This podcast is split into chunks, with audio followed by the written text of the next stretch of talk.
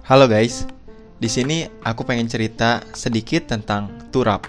Jadi turap itu adalah salah satu ataupun jenis dari dinding penahan tanah. Tahu kan dinding penahan tanah yang suka ada di pinggir-pinggir jalan ataupun yang ada di tebing-tebing kayak kayak misalnya kita ngelihat batuan-batuan yang tembok kayak gitu di dinding-dinding tebing kayak gitu di pinggir jalan itu namanya dinding penahan tanah. Tapi turap itu beda lagi. Kalau misalnya yang sering kita lihat yang batuan-batuan di dinding-dinding tanah pinggir jalan itu itu namanya bronjong. Ya intinya dinding penahan tanah itu supaya tanah yang ada di pinggir itu nggak longsor nggak runtuh gitu. Nggak masuk ke jalan yang biasanya kita lihat. Nah turap ini adalah salah satunya.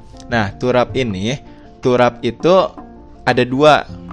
Ada turap cantilever, ada turap angkur. Nah, turap cantilever ini biasanya itu dipakai untuk penahan yang beban ataupun skalanya kecil. Skalanya kecil, terus ijinya kecil, landutannya kecil, dan juga kalau misalnya cantilever ini, turap cantilever ini nggak perlu ruang bebas di belakang tanah.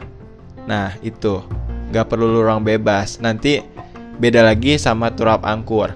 Nah, pada konstruksi sederhana, kalau misalnya turap cantilever ini kecuali bahan beton dan baja untuk konstruksi permanen. Kalau misalnya turap angkur, bedanya itu yang tinggi bebas itu ekstrim. Nah, biasanya dipakai konstruksi permanen ataupun kompleks, lebih kompleks. Dan sedangkan untuk turap angkur ini perlu ruang bebas karena perlu menanamkan si angkurnya ini di ruang bebas itu. Jadi perlu ada ruang bebas di belakang tanah tuh. Jadi memerlukan ruang bebas untuk menanam angkurnya dan juga memerlukan kedalaman galian yang sangat besar.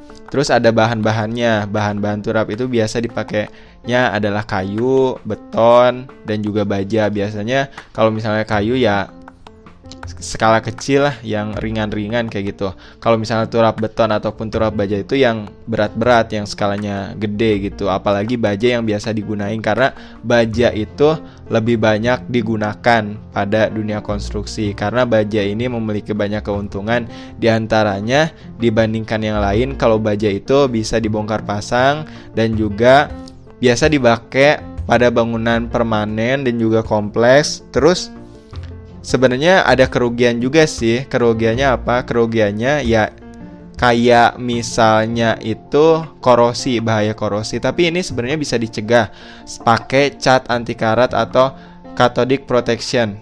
Jadi cathodic protection ini menggunakan anoda. Jadi si korosinya itu kan umumnya kan nyerang si bajanya kan ya. Tapi dengan adanya cathodic protection ini, jadi si anodanya yang keserang oleh korosi. Jadi anoda ini bisa diganti ataupun bisa diganti secara berkali-kali ataupun secara berkala. Nah, dan juga turap baja ini penampangnya lebih tipis dibandingkan turap beton. Kalau misalnya turap beton itu sekali nanam ya udah kayak gitu, nggak bisa dibongkar pasang kayak. Nah, terus juga turap baja ini bisa disambung dengan mudah, terus dapat digunakan di bawah ataupun di atas air Terus panjang file ini bisa ditambah atau dikurang. Nah, pokoknya banyak lah dan juga sering digunakan turap baja ini pada dunia konstruksi pada umumnya karena memiliki banyak keuntungan tapi ya lebih mahal mungkin ya dibandingkan turap kayu kayak gitu. Oke. Cukup sekian. Terima kasih. Alsioron.